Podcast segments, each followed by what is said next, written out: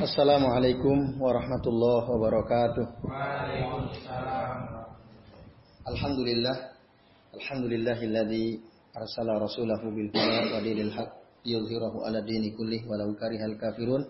Asyhadu an la ilaha illallah wahdahu la syarikalah wa asyhadu anna Muhammadan abduhu wa rasuluh. Allahumma salli wa sallim wa barik ala Muhammad wa ala ali Muhammad kama sallaita wa barakta ala Ibrahim wa ala ali Ibrahim fil alamin innaka Hamidum Majid. Rabbi israh li sadri wa yassir li amri wa hlul 'uqdatam min lisani yafqahu qawli amma ba'du. Ikhwas sekalian, azani Allah wa iyyakum ajmain. Semoga kita semua yang hadir di tempat ini senantiasa dimuliakan oleh Allah Subhanahu wa taala. Amin ya Allah ya rabbal alamin. Alhamdulillah pada malam hari ini atas izin Allah kita bisa bertemu kembali untuk sama-sama melanjutkan ngaji kitab Situ Durar ya, min usuli ahli asad. Bahasan kita masih pada prinsip yang keempat yaitu kemuliaan tidak bisa didapatkan kecuali dengan ilmu. Kemarin kita sudah membahas sampai halaman 130 ya kalau tidak salah. Terakhir yang kita sudah bahas sampai di halaman tadi 130 pada ayatnya surah Ali Imran ayat 100 sampai ayat 101. Jadi saya ulangi, tidaklah kalian mengetahui bahwasanya orang-orang kafir itu tidak akan mampu menguasai kalian selama kalian membaca ayat Allah, membaca sunnah Rasul SAW. Yatsluna al-wahyain. Wahyain itu ayat Allah dan sunnah Rasulnya. Dalilnya adalah tadi surah Ali Imran. Ayat 100 sampai 101. Ya ayyuhalladzina amanu. Wahai orang-orang yang beriman. Intuti fariqom minal ladina utul kitab. Jika kalian men mentaati sebagian atau sekelompok dari golongan orang-orang yang diberi Alkitab ya rudukum ba'da imanikum kafirin mereka akan mengembalikan kalian setelah keimanan kalian kepada kekufuran. Wa kaifa takfuruna wa antum tutla alaikum ayatullah. Bagaimana mungkin kalian kafir sementara dibacakan kepada kalian ayat-ayat Allah wa fikum rasuluh dan di tengah-tengah kalian ada rasulnya. Wa may ya'tasim billahi faqad hudiya ila suratim mustaqim. Barang siapa yang berlindung kepada Allah maka sungguh dia sudah diberi petunjuk kepada jalan yang lurus. Nah, itu yang terakhir. Menurut ya, Syekh Abdul Malik Ramdhani Al-Jazairi, ayat ini dari konteks ayat ini ada dua faidah penting yang kita bisa petik. Yang pertama, ismatu atba'il wahyiyin wahyiyain ya, wahyiyaini atau wahyaini minal kufri. Para pengikut wahyu dua wahyu yaitu Al-Quran dan Sunnah itu akan terjaga dari kekufuran. Jadi orang yang senantiasa membaca Al-Quran, mengikuti Quran, membaca Sunnah, mengikuti Sunnah, itu dia akan aman, terlindungi dari kekufuran. Gak mungkin kafir lah. Jadi kalau ada orang murtad itu pasti dia jauh dari Quran, jauh dari Sunnah. Kalau ada orang murtad. Orang yang dekat dengan Quran dan Sunnah tidak mungkin murtad, tidak mungkin kafir tidak mungkin terjerembab kepada kekufuran. Sehingga uh, Ibnu Katsir rahimahullah penulis kitab tafsir Ibnu Katsir mengatakan annal kufra ba'idun minkum wa hasakum minhu. Sesungguhnya kekufuran jauh dari kalian. Maksudnya dari para pengikut Al-Qur'an dan Sunnah. Wa hasakum minhu. Dan dia akan kalian akan terhindar dari kekufuran. Karena ayat-ayat Allah itu turun kepada Rasulnya setiap ya, di malam dan di siang hari. Dan beliau Rasulnya membacakan kepada kalian dan menyampaikannya kepada kalian. Maksudnya e, membacakan, menyampaikan Quran dan Sunnah. Hadis rawahu al hadis akhrajahu Ibnu Katsir dalam tafsirnya. Itu yang pertama. Jadi orang yang mengikuti Quran Sunnah, dia berusaha ya sekecil apa pun dari ayat Al-Quran atau sekecil serendah apa pun dari sunnah dia ikutin, dia akan terjaga dari kekufuran. Ya, kalau dia berusaha untuk ikutin sunnah. Ya banyak kan sunnah-sunnah remeh yang dianggap remeh temeh gitu ya oleh orang. Misalnya sunnah ketika kita bertasbih, tahmid, takbir, gimana sunnahnya? Sunnah kan pakai tangan kanan ya, pakai ruas jari ya. Ini bagian sunnah yang diajarkan Nabi. Orang ikutin sunnah, sekecil pun sekecil itu tadi. Tentu saja yang kecil dia ikuti, apalagi yang besar kan? Yang kecil aja dia ikutin. Itu pasti akan dilindungi oleh Allah dari kekufuran. Itu yang pertama. Yang kedua, sesungguhnya Allah Subhanahu wa taala menyebutkan tipu daya terbesar mencukupkan untuk menyebutkan tipu daya terbesar orang-orang kafir terhadap orang Islam adalah irodatu takfirihim. Jadi orang kafir itu ingin sekali membuat orang-orang Islam itu kembali kafir. Dari dulu sampai sekarang. Ada yang terang-terangan, ada yang sembunyi-sembunyi. Yang jelas mereka ingin kita ini kembali kafir. Bahkan kita mereka ingin kita ngikutin kebiasaan mereka. Nah itu sekalian. Dan itu Allah sudah tegaskan dalam surah Al-Baqarah ayat 109. Allah Ta'ala berfirman, Wadda min ahlil kitab an yarudu an yaruddunakum. Kebanyakan ahlul kitab itu ingin sekali untuk mengembalikan kalian mimba di imanikum setelah keimanan kalian kufar kembali kafir. Hasadan min indi angkusihim mimba di mata bayana lahumul haq itu disebabkan karena kedengkian yang ada pada diri mereka setelah datang kepada mereka kebenaran al-haq. Masa Al-Quran telah datang, Rasulullah sudah diutus. Tapi mereka tidak mau menerima dakwah Rasul, bahkan mereka ingin supaya orang-orang yang mengikuti Nabi itu, para pengikut Muhammad, kembali kafir lagi. Itu yang diinginkan oleh mereka. Nah, maka dikatakan Faka'annallahu Faka'annallahu yakul Seakan-akan Allah berkata Mah makana makruhum Al-kibarul ladzi tazulu minhul jibal Bahkan meskipun Tipu daya mereka itu Sangat besar Yang saking besarnya Gunung saja bisa meledak Saking besarnya tipu daya orang-orang kafir, orang Yahudi, orang Nasrani itu, Gunung saja bisa hilang gunung. Tadi hancur gitu. Maka Allah Ta'ala berfirman, Wa inka nama kruhum latazula minhul jibal. Meskipun tipu daya mereka itu bisa menghilangkan darinya gunung. Saking besarnya tipu tipu daya atau makarnya orang-orang musyrik. Nah, maka iman kalian tidak akan pernah hilang selama kalian membaca Quran, mengamalkan Quran, membaca sunnah, mengamalkan sunnah.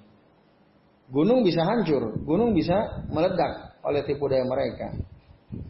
Manusia mungkin kebanyakan ikut mereka. Tapi orang yang senantiasa membaca wahyu Al-Quran dari kitab maupun sunnah itu tidak akan tumbang, ya, tidak akan hilang selama kita baca Quran dan Sunnah, selama kita mengikuti Al-Quran dan Sunnah. Jadi yang perlu digarisbawahi dari penjelasan ini terkait dengan bab ya. Jadi situlah pentingnya ilmu. Ilmu yang berasal dari Quran Sunnah, dengan ilmu itulah kita bisa kokoh berdiri, tidak akan tergerus oleh orang-orang kafir tadi. Nah itu teman sekalian. Walaysa hadza ghariban ala alaman ayqana bi qalbihi anna Allah ja'ala ma'inul hayati fil wahyi. Nah, ini bukanlah perkara aneh. Bukan perkara yang janggal, yang mengherankan bagi orang-orang yang dalam hatinya ada keyakinan bahwa Allah telah menjadikan air mata kehidupan itu ada dalam wahyu. Allah ja'ala ma'inal hayati fil wahyi. Air mata kehidupan eh, maaf, mata air kehidupan ada dalam wahyu. Maka kita bisa buka misalnya dalam surah Al-Anfal ayat 24. Firman Allah yang mengatakan, Ya ayyuhalladzina amanu, wahai orang-orang beriman, istajibu lillahi walir rasuli idza da'akum lima yuhyikum. Jawablah seruan Allah. Istajibu lillah. Jawablah seruan Allah dan Rasulnya dan seruan Rasul apabila Allah dan Rasulnya menyeru kalian lima yuhyikum yang bisa menghidupkan kalian. Jadi seruan Allah, perintah Allah, seruan Rasul, perintah Rasul itu akan mendatangkan kehidupan lima yuhikum. Nah, kehidupan apa? Ya kehidupan yang baik, imma fid dunya wa imma fil akhirah satu atau hidupnya hati. Jadi orang yang taat pada Allah dan Rasulnya karena dia membaca Quran dan Sunnah, lalu dia mengamalkan itu, Nah, berarti kan dia menjawab tuh, menjawab seruan Allah dan Rasul. Maka itu akan menghidupkan hati mereka. Jadi kalau ada kehidupan fisik, ada kehidupan hati, maka a'zamul hayataini huwa hayatul qalb. Kehidupan yang paling besar, paling agung itu adalah hidup, hidupnya hati. Maka dikatakan wa ahyan nasi atba'uhum lil wahyi. Orang yang hatinya paling hidup orang paling baik hatinya hidup adalah orang yang paling mengikuti Quran dan Sunnah. Al-Wahyu itu Al-Quran dan Sunnah. Dan dialah orang yang paling aman dari kesesatan, teman sekalian. Jadi sekali lagi, saya tekankan bahwa hati seseorang itu akan hidup jika dia mengikuti wahyu. Jika dia mengikuti Al-Quran dan Sunnah. Hidupnya hati itu apa? Ya satu dia senantiasa mudah sekali berzikir, yang kedua dia tenang hidupnya. Mutmain, tenang, damai hidupnya karena hatinya hidup. Dan itu hanya bisa didapatkan dengan apa? Taat tadi pada Allah dan Rasulnya. Taat kepada Quran dan Sunnah. Tentu saja kita bisa taat kalau kita berilmu ya, punya ilmunya. Nah itu jadi sekali lagi orang yang paling hidup hatinya orang yang paling mengikuti wahyu dan mereka lah orang-orang yang paling aman dari kesesatan. Maka dengan ini pemahamanmu akan ya, kamu akan mendapatkan pemahaman yang benar ya. Yaduku fahmuka. Kamu akan betul-betul memahami sabda Nabi, sabda Rasul SAW, di mana beliau pernah mengatakan, Tarok fikum syai'aini lan tadillu ba'dahuma. Aku tinggalkan di tengah kalian dua perkara lan tadillu ba'dahuma. Kalian tidak akan sesat. Ya. Uh, setelah tadi berpegang teguh kepada kedua perkara ini. Apa yang dimaksud dua perkara? Kitabullahi wa sunnati. Al-Quran dan sunnahku. Walam wala yaftariqu hatta yaruda alayya al-haud. Dan Quran Sunnah lam yaftariqa. Tidak akan pernah berpisah. Hatta yarida alayya al-haud. Sehingga eh, orang-orang nanti datang kepada Nabi di haudnya Nabi Shallallahu Alaihi Wasallam. Orang yang ikut ya Quran dan Sunnah yang tidak berlaku apa yang kalau ikut berarti kan tidak bid'ah ya dia selalu ikut maka nanti akan datang dia ke kepada Nabi di, di haud ya. Haud itu telaga, telaga Al-Kausar. Maka Nabi juga pernah cerita. Jadi aku tahu umatku itu karena wajahnya, kedua tangan, kakinya itu bercahaya. Ketika mereka pada datang ke haud, aku akan usir orang-orang selain umatku sebagaimana seorang penggembala mengusir unta-unta orang lain datang ke tempat minum unta-untanya. Lalu bagaimana cara engkau mengetahui kami ya Rasulullah min asari Rasul mengatakan gurun muhajiri min asal wudhu. Wajah kalian bercahaya, dua tangan dan dua kaki kalian bercahaya karena kalian wudhu. Tahu. Lalu ternyata ada sebagian dari umat Rasul itu diusir. Diusir, dihalau, tidak boleh mendekat ke haud al-kausar. Rasul mengatakan Rasulullah, ummati ummati, mereka ada umatku, mereka umatku ya Allah, ya Rabb. Lalu apa Allah katakan? Inna kala tadri ma ahdasu ba'dak. Sesungguhnya engkau tidak ngerti apa perbuatan muhdas apa, perbuatan bid'ah apa yang mereka lakukan setelah engkau tidak tidak ada. Nah, ini.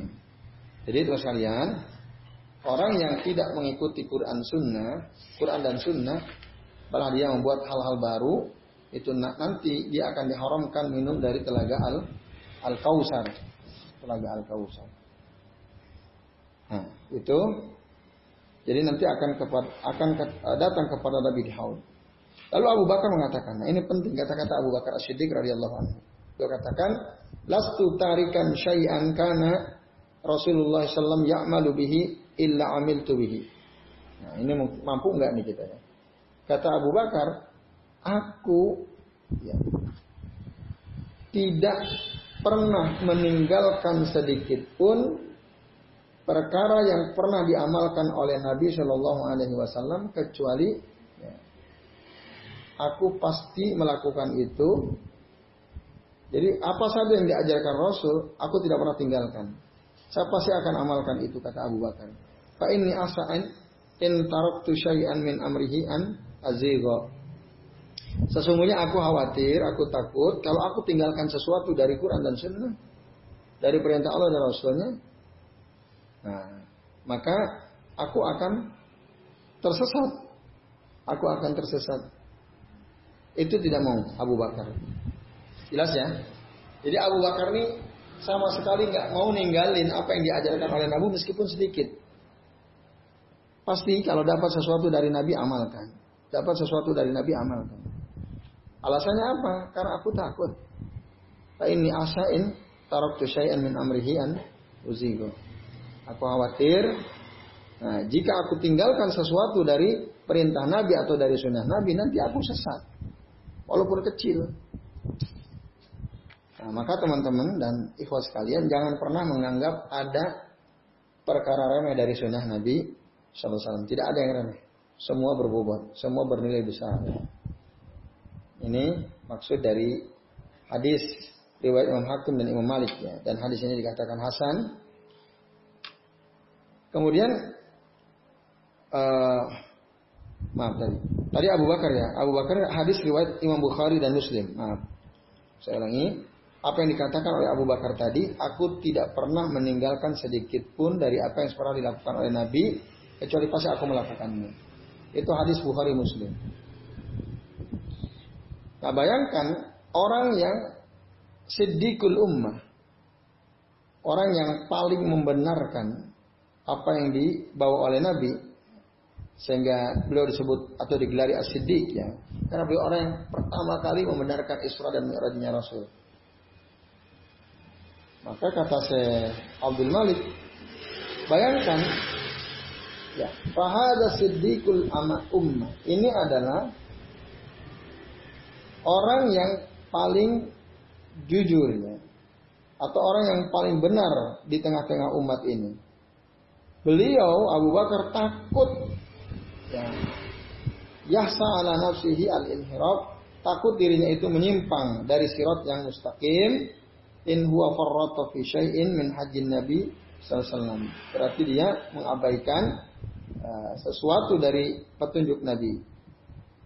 Padahal annahu kana sadiri tamasuk bima daqa wa jalla min sunnatihi sallam. Abu Bakar As-Siddiq itu adalah orang yang betul-betul sangat kuat sangat kuat uh, berpegang teguh kepada sunnah nabinya ya, kepada sunnah nabinya baik itu yang kecil maupun yang besar. Jadi Abu Bakar berusaha untuk amalkan. Kecil besar sunnah nabi diamalkan. Disuruh memelihara jenggot amalkan dengan jenggot. Disuruh jangan isbal tidak isbal. Dan banyak lagi ya yang pernah disampaikan Nabi itu tidak ada yang kecil di mata Abu Bakar radhiyallahu anhu. Abu Bakar Siddiq radhiyallahu anhu. Nah itu ikhwas sekalian. Nah kemudian uh, fakaifa qarrat ayunil mubtadi'ah wa hada'at jufunuhum.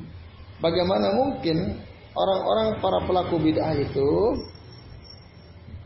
uh, apa ya merasa senang gitu dan merasa tenang Merasa senang, merasa tenang. Sementara Abu Hurairah dalam hadis Bukhari Muslim pernah mengatakan, "Lamma tuwfiya Rasulullah sallallahu alaihi wasallam Abu Bakar ba'dahu." Ketika Rasulullah wafat, maka digantikan keimamannya oleh Abu Bakar. Setelah itu, kafara man kafara minal Arab. Ketika Rasul wafat, ada orang-orang Arab yang kembali kufur. Lalu Umar bilang kepada Abu Bakar, ini Abu Bakar sudah jadi khalifah ya. Kata Umar, "Kaifa tuqatilun nasa wa qad qala Rasul sallallahu alaihi wasallam?" Bagaimana kamu bisa memerangi orang-orang sementara orang-orang ini uh, telah mengucapkan la ilaha illallah gitu ya. Itu yang dikatakan oleh Umar kepada Abu Bakar. Gimana engkau akan memerangi manusia? Bukankah Rasul pernah bersabda, aku diperintah oleh Allah untuk memerangi manusia sehingga mereka mengatakan la ilaha illallah. Nah, pada zaman Abu Bakar jadi khalifah ada orang yang kembali murtad atau enggan untuk menjalankan kewajiban dia tidak mau. Nah, Lalu karena dia tidak mau yaitu membayar zakat nanti ya. Dia nggak mau bayar zakat. Waktu itu khalifah adalah Abu Bakar As-Siddiq radhiyallahu anhu. Nah, akhirnya kufurlah orang yang kufur dari orang Arab itu dan Umar akhirnya tadi bertanya bagaimana engkau bisa membunuh orang-orang sementara Rasul mengatakan aku diperintah oleh Allah untuk memerangi manusia sehingga mereka mengatakan la ilaha illallah. Barang siapa mengatakan la ilaha illallah asima minni maluhu wa nafsuhu illa bihaqqin illa bihaqqihi wa hisabihi Allah. Barang siapa yang mengatakan kalimat la ilaha illallah tentu dengan tujuh syarat yang kita udah pernah bahas ya. Ikhlas. Syarat la ilaha kan itu. Ikhlas. Terus apa lagi? Syaratnya la ilaha illallah. Satu ikhlas, yang kedua yakin, yang ketiga membenarkan, yang keempat menerima,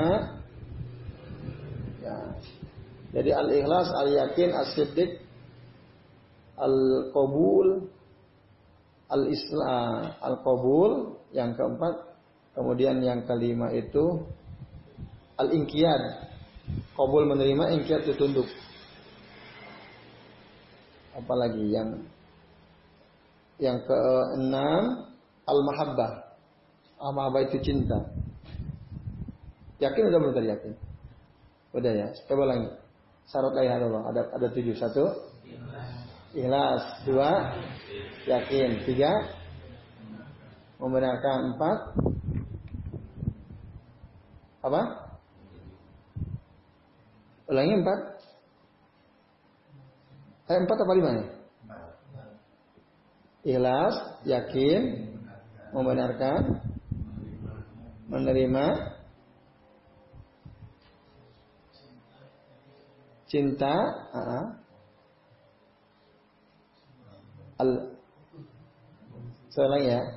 Pertama al ikhlas kedua al yakin ketiga al ikhlas al yakin al al ilm ya Il, ilmu belum ya? Ah ilmu. Al ikhlas al yakin al ilmu mengetahui maksudnya. As-sidqu membenarkan, al-qabul menerima, al-mahabbah mencintai, al-inqiyad tunduk. Al-inqiyad tujuh. Nah, itu tujuh syarat kalimat la ilaha illallah. Nah, orang kalau sudah ngucapin la ilaha illallah, maka kata Nabi terlindungi dariku hartanya, jiwanya, kecuali dengan hak, dengan hak dan itu perhitungannya ada pada Allah.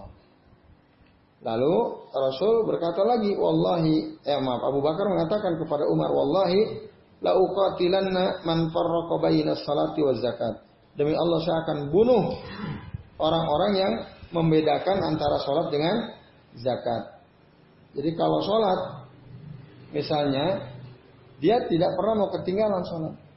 Dia percaya itu wajib. Tapi kalau giliran zakat, dia nggak mau. Wah zakat nggak penting. Zakat itu ngabisin uang daripada ngasih ke orang yang kita pakai untuk berpoya-poya. Nah, misalnya gitu ya. Tapi dia sholat, dia sholat. Tapi dan dan dia nggak mau bayar zakat. Nah, itu kan sekalian. Lalu apa kata Abu Bakar? Demi Allah saya akan perangi kelompok atau orang yang memisahkan antara kewajiban sholat dan zakat, membedakan. Karena zakat itu adalah haknya harta dan Allah wallahi nah kata Abu Bakar wallahi demi Allah lau mana'uni inaqa kanu yu, yu'addunahu ila rasulil ila rasul Rasulillah sallallahu laqataltuhum ala man'ihi. Itu kata Abu Bakar tegas sekali. Jadi kata beliau demi Allah ya, saya akan perangi mereka orang-orang yang memisahkan kewajiban sholat dan zakat. Sesungguhnya zakat itu adalah nah, hakul mal, haknya harta, wallahu lau mana'uni inakan kami adun rasul. Demi Allah seandainya mereka enggan memberikan zakat walaupun hanya seekor anak kambing betina, padahal dulu mereka melakukannya ketika Nabi masih ada yang memberikan kepada Nabi, maka niscaya apa yang akan terjadi? Nah, kata Abu Bakar, saya akan perangi mereka karena mereka tidak mau bayar zakat. Akhirnya Umar apa bilang? Demi Allah, kata Umar, tidaklah ini terjadi kecuali aku melihat Allah telah melapangkan dada Abu Bakar untuk memerangi orang-orang yang enggan membayar zakat, maka aku jadi tahu bahwa ini ada kebenaran. Al-haq. Arabu anahu al-haq. Yaitu apa yang dimaksud hak? Tadi memerangi orang yang enggan membayar zakat. Nah ini potret bagaimana Abu Bakar betul-betul ingin mengikuti Nabi. Dalam perkara besar apa kecil nih kalau zakat? Mungkin maksud jan lah ya yang besar. Nah. Ketika Rasulullah SAW dipahami beliau adalah orang yang paling makhluk yang paling mengikuti wahyu. Ya, saya ulangi, Rasul itu adalah orang yang merupakan makhluk yang paling mengikuti wahyu. Iktarona bihim min ta'yidillahi akmalahu. Uh, uh, yang iktarona bihim min ta'yidillahi akmalahu. Ya, akan apa?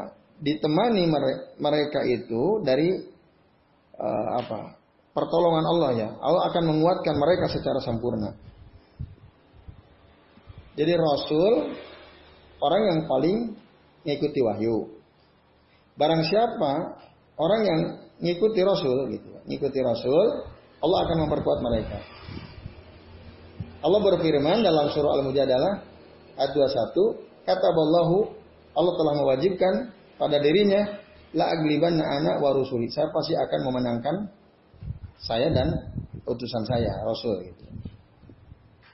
Lalu pada ayat lainnya dikatakan Walakad sabakot kalimatuna li ibadinal mursalin. Sungguh telah uh, berlalu kalimat-kalimat kami untuk hamba-hamba kami dari para rasul. Mereka itu adalah orang-orang apa? Innahum lahumul mansurun. Mereka itu orang-orang yang ditolong oleh Allah. Wa inna jundana lahumul ghalibun dan sungguh para tentara kami bagi mereka adalah suatu atau dianggap uh, yang yang mendapat kemenangan ya. Wa inna jundana jundu jundana lahumul ghalibun. Para tentara kami akan mendapatkan kemenangan atas orang-orang kafir. Ayat yang mengatakan sesungguhnya kami akan menolong inna lanansuru rusulana walladzina amanu fil hayati dunya wa yauma yakumul ashhad. Nah ini janji Allah. Sesungguhnya kami pasti akan menolong rasul-rasul kami dan orang-orang beriman Di mana? Dalam kehidupan dunia. Kapan lagi? Dan pada kehidupan akhirat. Ketika orang-orang menyaksikan ya, saling menyaksikan, memberikan kesaksian. Nah, kata saya Abdul Malik Ramdhani Al-Jazair, barang siapa orang yang mengikuti mengikuti Al-Quran dan Sunnah itu maksudnya lahum muttabi'an maka dia akan mendapatkan pertolongan dari Allah akan mendapatkan penguatan dari Allah orang yang ikuti Quran Sunnah pasti akan mendapatkan pertolongan dan penguatan dari Allah at-ta'yid penguatan wan nasrah pertolongan nah buktinya apa Sekali lagi ya, yang perlu kita perhatikan. Orang yang mengikuti Quran Sunnah, betul-betul dia berusaha ikuti Quran, ikuti Sunnah. Maka orang seperti ini, dia akan mendapatkan penguatan dari Allah dan akan dapat pertolongan dari Allah. Itu kata saya, Abdul Malik. Contoh ya, disebutkan dalam Al-Quran. Surah Al-Qasas ayat 35. Ketika Allah cerita tentang Musa dan Harun. Apa kata Allah? Atau Ya, Allah mengatakan antuma wa manit taba'akuma al-ghalibun. Nah, antuma wa manit taba'akuma al-ghalibun. Kalian berdua, siapa maksudnya kalian berdua? Musa dan Harun. Nah, dan orang-orang yang mengikuti kalian berdua, mereka itu yang menang. Poinnya adalah orang-orang yang mengikuti mengikuti kalian berdua, mengikuti Musa dan Harun. Jadi umat yang tunduk pada Musa dan Harun pasti akan mendapatkan kemenangan. Kepada Nabi Isa juga begitu. Irqalallahu ya Isa inni mutawafiyaka inni mutawafika wa rafi'uka ilayya. Dan ingatlah ketika Allah mengatakan kepada Isa, sesungguhnya akulah yang akan mewafatkan engkau. Akulah yang mengangkat engkau wahai Isa. Mengangkat ke mana? Mendekat kepadaku. Dan akulah yang membersihkan engkau dari orang-orang kafir. Wajailul ladzina taba'uka kafaru. Dan Allah menjadikan orang-orang yang mengikuti engkau wahai Muhammad, eh wahai Isa, maaf, wahai Isa berada di atas orang-orang kafir sampai hari kiamat. Ini Allah bicara tentang kaum Nabi Isa. Jadi kaum Nabi Isa yang mengikuti betul Nabi Isa, maka dia akan mengingkari, ya. dia akan kafaru. Saya ulangi ya. Dan ingatlah ketika Allah berkata kepada Isa, aku akulah yang akan mewafatkan engkau, yang akan mengangkat engkau ke langit ke atas, dan aku pula yang telah mensucikan engkau dari orang-orang yang kafir minal ladzina kafaru. Dan aku akan menjadikan orang-orang yang mengikuti engkau wahai Isa berada di atas orang-orang kafir sampai hari kiamat. Jadi orang-orang yang mengikuti Nabi Isa itu Allah akan tinggikan derajatnya sehingga kedudukan mereka berada di atas orang-orang kafir sehingga sampai hari kiamat. Nah, lalu Ibnu Qayyim kasih komentar kata beliau, ketika orang Nasrani betul-betul mengikuti Nabi Isa, maka nanti mereka kedudukan, kedudukannya akan berada di atas orang-orang Yahudi sampai hari kiamat. Dan ketika orang Islam mengikuti Quran dan Sunnah, maka nanti mereka orang Islam ini yang mengikuti Quran Sunnah kanu fauqan nasara ila yaumil kiamat. Kedudukannya ada di atas orang-orang Nasrani pada hari pada hari kiamat. Itu kalau ittiba kepada Quran dan Sunnah. Terakhir Ibnu Taimiyah mengatakan, oleh karena ini kata beliau, siapa saja orang yang mengikuti Rasul, Allah pasti akan bersama dia. Allah pasti akan mencukupkan dia. Itulah ittiba. Jadi siapa saja yang mengikuti Rasul, Allah akan membersamai dia sesuai seberapa sungguh-sungguh dia mengikuti Rasul tentu saja. Jadi kecukupan yang Allah berikan itu sesuai dengan kesungguhan di dalam kita mengikuti sunnah sunnah Rasul dalam kita beritiba kepada Rasul SAW. Nah, dalilnya mana? Dalilnya ini Ya ayuhan ya ayuhan nabi hasbukallahu wa man ittaba'aka minal mu'minin. Wahai nabi dan nah, jadi hasbukallah itu kita mundurkan ke belakang. Wahai Nabi dan orang-orang yang mengikuti engkau dari kalangan orang beriman, cukuplah Allah penolong kalian. Itu maksudnya. Nah, ini poin pentingnya adalah ya cukup uh, wahai Nabi dan orang-orang yang mengikuti engkau dari kalangan orang beriman, cukuplah Allah sebagai penolong kalian. Jadi clear ya jelas. Kecukupan yang Allah berikan, perlindungan yang Allah berikan itu sesuai dengan sejauh mana orang beriman mengikuti mengikuti Nabi SAW. Maka siapa saya mengikuti Rasul dari kalangan orang beriman, fahasbuhu, wallahu hasbuhu. Allah nanti akan mencukupkan kebutuhan dia. Nah, itu kata uh, Qayyim ya ketika beliau menjelaskan ayat di atas. Dan ini juga adalah makna keberadaan Allah itu akan senantiasa membersamai mereka. Membersamai siapa maksudnya? Orang-orang yang ittiba kepada Rasul ya. Allah akan senantiasa membersamai mereka. Allah akan mencukupkan secara mutlak kebutuhan mereka dan uh, karena apa? Karena itibaknya mereka kepada Nabi SAW. Barang siapa yang mengurangi itibak akan berkurang juga. Maksudnya berkurang pengawasan Allah apa? Berkurang pertolongan Allah ya, kepada dia. Barang siapa yang mengurangi wanaki suatu ma'an nafisi. Maksudnya mengurangi ketaatannya atau itibaknya kepada Nabi, maka Allah akan kurangi juga penjagaannya terhadap orang tersebut. Itu. Pertolongannya, pertolongan Allah juga akan dikurangi dari orang yang mengurangi taat kepada atau itibak kepada Nabi, kepada Rasul. Nah, apabila ada sebagian orang beriman, mereka betul-betul itibak ya kepada Nabi, muttabi'ina lahu. Betul-betul diikuti Nabi. Kemudian ada orang yang memusuhi dia. Gara-gara dia ittiba kepada Nabi. Maka cukuplah Allah yang akan menolong dia. Allahu hasbu. Allah yang akan nolong. Allah akan menguatkan dia. Dan Allah akan membersamai dia. Nah ini teman sekalian. Ya sekali lagi ya. Kalau antum mencoba menerapkan sunnah Nabi dalam hidup antum. Meskipun orang gak suka sama antum. Gara-gara antum menegakkan sunnah dalam diri antum. Ada orang tidak suka lalu dia memusuhi antum. Cukup Allah yang akan menolong antum. Allah akan tolong kita.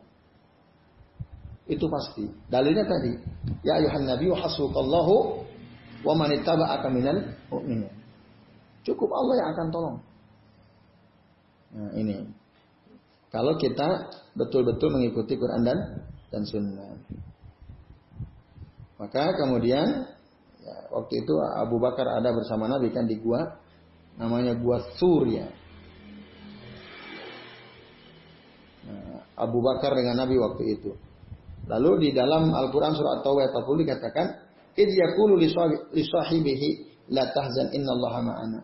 Ingatlah ketika Rasulullah mengatakan kepada temannya yaitu Abu Bakar, "Janganlah kamu sedih, sesungguhnya Allah ada bersama bersama kita. Itu kata Nabi kepada Abu Bakar.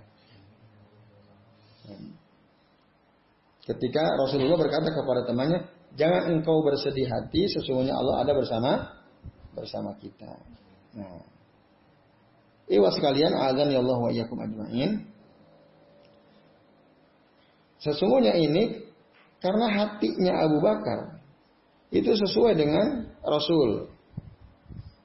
Walaupun mungkin uh, wa illam yakun sahibahu bi badanihi walaupun ya tadi kebersamaan itu secara fisik bukan secara fisik maksudnya uh, Allah itu ya tapi wal aslu fi hada al qalb hatinya akan senantiasa ada bersama Allah. Seperti yang dikatakan oleh Nabi dalam hadis sahih ya. Bahwa Nabi bersabda kepada para sahabat apa kata beliau? Inna bil madinah rijalan masirtum masira. Sesungguhnya di Madinah itu ada orang-orang tidaklah kalian berjalan melewati perjalanan itu. Wala qata'tum wadiyan illa kanu ma'akum. Dan tidaklah pula kalian menuruni lembah-lembah kecuali mereka senantiasa membersamai antum, berserikat dalam kebaikan bersama antum.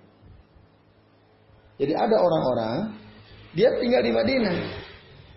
Sementara Nabi dan para sahabat melakukan safar untuk berperang. Menempuh jalan yang jauh lalu melewati lembah. Tapi pahala yang didapatkan oleh Nabi dan para sahabat juga didapatkan oleh orang-orang yang ada di Madinah yang tidak ikut pergi keluar berperang. Lalu maka para sahabat bertanya, kalau wahum bil Madinah. Kan mereka ada di Madinah, kok bisa dapat pahala sama? Nah, itu bahasa kita. Rasul mengatakan, wahum bil Madinah. Betul mereka ada di Madinah. Habisahumul udar. Karena mereka, kenapa tidak pergi tapi pahalanya dapat? Ada uzur. Nah, mereka ada ada uzur. Maka mereka itulah yang dalam hati mereka ya, hatinya selalu bersama Nabi dan selalu bersama para sahabat yang ikut berperang bersama Nabi. Nah itu mereka ikut membersamai dalam arti hatinya gitu ya. Wallahu ma'ahum bihasbi bihasbi tilka suhbati al, al ma'nawiyah. Dan Allah juga akan bersama mereka uh, sejauh kadar membersamai nah, wallahu ma'ahum bihasbi tilka suhbah al ma'nawiyah. Maksud Allah akan membersamai mereka juga. Tadi yang dikatakan bahwa Inna Allah ma'ana, Allah bersama kita, itu bukan secara fisik, tapi uh, bukan fisiknya, tapi hati kita akan senantiasa bersama Allah. Itu maksudnya. Nah ini terus kalian, ya sekali lagi, orang yang ngikutin Nabi, jadi sampai situ aja ya tadi. Uh, sampai mana kalau di sini? 100 35 ya? Ah, 36. Nah. Inna Allah la tahzan eh, inna ya, la tahzan inna Allah ma'ana itu ya. Dari Madinah. Nah. Jadi itu terus kalian yang belum saya akhiri yang perlu digarisbawahi bahwa sejauh mana ittiba kita kepada Nabi maka sejauh itulah nanti atau sebesar itulah kita akan mendapatkan pertolongan Allah. Gitu. Semakin kita ittiba kepada Nabi, semakin pertolongan Allah semakin besar ya akan kita dapatkan. Tapi semakin orang jauh dari ittiba kepada Nabi, nah, pertolongan Allah akan semakin jauh. Jadi kalau kita ingin ditolong oleh Allah, dilindungi oleh Allah, dibersamai oleh Allah, maka ikutilah Nabi semaksimal mungkin. Ya ayuhan Nabi hasbukallahu wa man ittaba'aka minal mu'minin. Jadi saya kira ini terus kalian, azani Allah wa iyyakum ajma'in. Mudah-mudahan bisa dipahami ya. Jadi pentingnya ittiba. Nah untuk bisa ittiba itu kan harus berilmu kan. Harus baca Quran, harus baca sunnah. Ngerti kita dari dalil. Nah, baru kita akan bisa ittiba. Mungkin enggak orang yang nggak pernah belajar hadis Nabi, nggak pernah baca Quran bisa ittiba kepada Nabi. Nggak mungkin kan? Nggak mungkin. Kalau orang udah ditolong Allah kan mulia tuh. Pasti mulia ditolong Allah. Maka jangan pernah berpikir untuk tidak itiba. Tapi berusahalah itiba kepada Nabi semaksimal mungkin. Jadi saya kira ini, lihat sekalian, sudah jam 10 lewat 6 ya. Ya. Silakan barangkali sebelum diakhiri, sebelum ditutup, ya, kajian kita ini saya beri kesempatan kepada teman-teman mungkin ada satu dua pertanyaan dari apa yang tadi sudah dibahas kami persilahkan kalau ada yang mau ditanya. Ya monggo Mas Isna. sekarang ya kita lihat banyak sekali ya orang yang telah melukai ajaran-ajaran terutama dari kewajiban yang diwajibkan mulai dari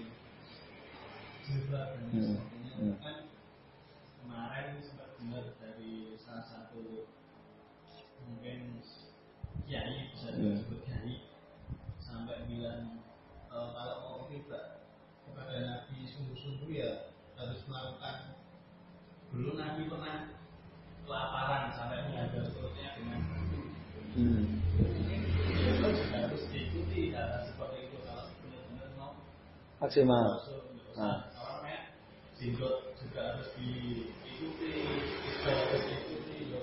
kelaparan juga harus diikuti ya sampai seperti itu dan mungkin itu fenomena sekarang Ada orang ngomong gitu gitu ya, kiai ya. ya ini juga Ah. itu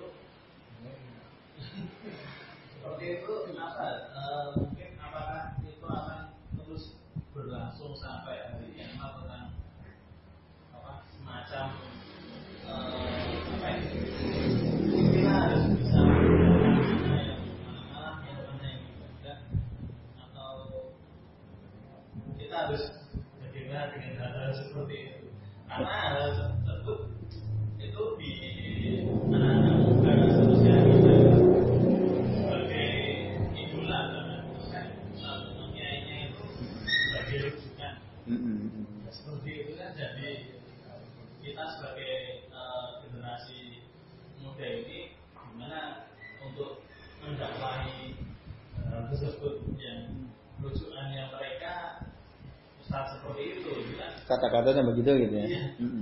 Iya. Juga maaf iya. Pengusahannya yang ngomong gitu ya, kiainya yang ngomong. Artinya dia ingin katakan, ya kalau kalian hanya ngikutin isbalnya atau jenggotnya atau sementara laparnya kalian ikuti gitu ya. kurang total Ah? kurang total Kurang total gitu ya. Lalu mungkin yang dia ingin katakan, ya udah nggak usah terlalu kenceng lah soal jenggot, soal isbal dan seterusnya kan gitu. Wong kalian juga nggak nggak- lapar kayak Nabi kan gitu. Nah itu gimana? Nah tentu ini suatu kebatilan jika tujuannya adalah untuk menjauhkan kita dari ngikutin Nabi. Kan tadi tujuan akhirnya udahlah nggak usah kenceng-kenceng ngikutin Nabi itu. Om kalian buktinya juga nggak ngikutin laparnya Nabi kan? Cuman yang kalian eh, soal, jenggot yang fisik-fisik saja. Nah, ini logika yang kebalik-balik mengikuti Nabi secara maksimal, ya maka apa saja yang bisa kita lakukan kita lakukan. Jangan yang kita gampang lakukan, kita tinggalkan. Gara-gara yang susah nggak kita lakukan kan itu. Nabi lapar juga kan bukan karena beliau menyengaja lapar kan, karena memang nggak ada makanan. Masa kita yang makanan melimpah, lalu kemudian pakai batu diikat di perut kita. Oh, makanan mie ayam gampang, bakso gampang, duit ada kan? Masa kita harus ngikuti? Ah. Itu. Nah, ngaconya di situ itu logikanya. Tapi tadi memang ketika fanatisme asobiah ya itu udah mengakar pada diri seseorang, nalar kritisnya hilang. Karena dia udah udah taasub dulu, udah fanatik dulu sama si kiai tadi ya. Iya betul kayak kerbau di cucuk hidungnya ke mana pun ikut gitu ya. Sehingga nggak kritis lagi. Ada kiai yang populer ya masih muda gitu. Itu kalau antum dengarkan semua omongannya itu banyak yang bisa dikritik sebenarnya. Kalau kita udah tahu dalilnya gitu ya. Tapi orang yang nggak pernah belajar hadis oh, sungguh-sungguh gitu ya, mendengar dia seakan-akan apa yang katakan benar semua, seakan-akan benar semua. Contoh kasus begini deh, yang eh, kayaknya pernah saya sampaikan. Dia bilang eh, apa itu salaman ya, salaman setelah selesai sholat itu kok dibidah-bidahin kan gitu. Kan ada orang ya, yang orang yang lagi naik daun lah, dia ngomong begitu. Wong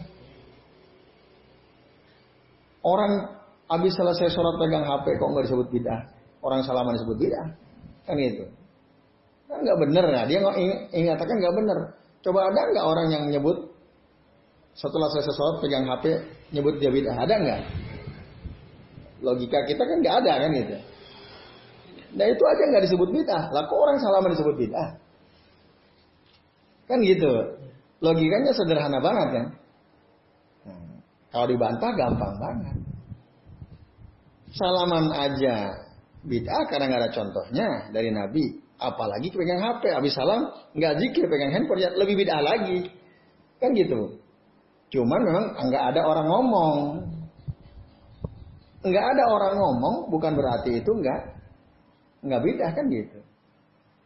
Orang ngomong atau nggak ngomong kalau sesuatu yang bertentangan dengan apa yang diajarkan Nabi yaitu bid'ah. Dia lakukan dalam ibadah gitu ya, maka dia bid'ah.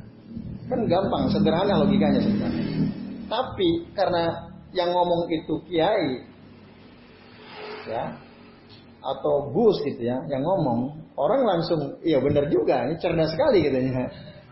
Nah, masuk ya, masuk Pak Eko gitu. Itu. Maka di sini penting ya, teman-teman sekalian, nalar kritis kita dipakai. Maka dan dan menjaga diri dari sikap ta'asub asabiyah. Jangan sampai lah. Meskipun mungkin dia kiai ada di kelompok kita gitu ya. Di komunitas kita. Kita tetap harus tadi menjaga diri dari sikap asobiyah. Karena kalau udah asobiyah, yang salah dibenerin. Iya, yang salah dibener-benerin. Nah itu keliru, jelas. Nah, tapi kalau orang jauh dari sikap asobiyah, yang salah tetap salah, meskipun dia adalah dari komunitas kita. Gitu. Salah, tetap salah. Nah itu. Jadi gitu tadi, Mas Isa dan teman sekalian, kita harus itibar Nabi. Apa yang kita mampu lakukan, lakukan. Yang belum mampu, ya usahakan. Kita mampu nggak misalnya memanjangkan jenggot? Mampu misalnya, lakukan. Kita mampu nggak pakai celana tidak isbal? Mampu. Apa halangannya misalnya? Nggak ada kan? Lakukan. Apalagi zikir ba'da sholat mengucapkan tasbih tahmid takbir dengan tidak dengan tasbih tapi dengan tangan mampu atau tidak? Mampu.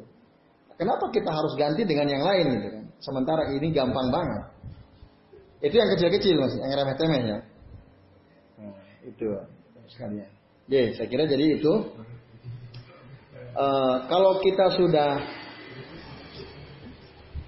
paham, udah punya ilmu, insya Allah kita bisa memfilter memilah-milah mana kata-kata seorang tokoh yang benar, mana yang tidak benar, mana yang bisa diterima, kita bisa ikuti, mana tidak bisa diikuti. Nah, itulah pentingnya ilmu. Ilmu itu penting sekali. Ilmu itu adalah nur ya cahaya. Cahaya itu kan terang. Orang kalau sudah ada dalam cahaya di di tempat yang bercahaya kan dia insya Allah selamat kan. Jalan bisa benar kan dia nggak bingung. Tapi coba kalau dia ada di tempat yang gelap, Jalan aja bingung kan ini ke mana ini takut kesalio atau tidak seterusnya.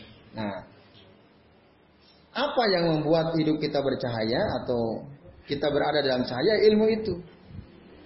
Nah dengan ilmu itu kita bisa membedakan mana pintu, mana jendela, mana lemari kan gitu.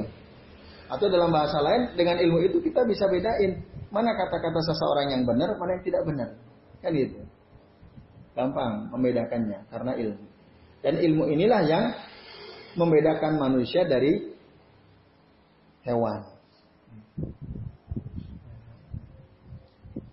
Hampir semua sifat yang ada pada diri manusia hewan punya kecuali ilmu. Hanya lu yang nggak punya. Antum punya sifat berani nggak? Punya. Ah. Antum punya sifat berani kan? Hewan punya nggak sifat berani? Bahkan ada hewan yang mungkin lebih berani dari antum. Ada kan? Antum punya sifat kasih sayang? Punya. Hewan punya nggak sifat kasih sayang? Antum punya sikap dermawan, kita punya sikap dermawan ya. Hewan juga bu, punya sikap dermawan. Tapi hewan nggak nggak nggak punya sifat ilmu. Maka nggak ada hewan yang ahli fikih, hewan ahli hadis, ahli tafsir nggak ada hewan. Nah, tapi kalau hewan yang setia, sikap paling setia apa? Merpati gitu ya kan? Ada. Paling setia. Paling berani harimau. Paling ini nanti ada. Tapi paling berilmu nggak ada. Nah itu. Jadi sekali lagi kemuliaan itu hanya bisa dicapai dengan il ilmu. Dengan ilmu itu kita bisa milah-milah. Mana yang benar, mana yang enggak. Meskipun yang keluar dari lisan seorang tokoh. Ya, Allah taala. Baik, masih ada atau cukup? Cukup. Baik, terima kasih teman sekalian atas perhatian antum semua. Mudah-mudahan yang kita bahas ini bermanfaat ya. Untuk menguatkan tadi pentingnya kita berilmu. Tadi berarti sampai halaman 130. Nah. Baik, terima kasih dan mohon maaf bila ada kesalahan. Sebelum saya kembalikan ke Mas Abdul selaku moderator, saya akhiri bila taufiq wal hidayah. Wassalamualaikum warahmatullahi wabarakatuh.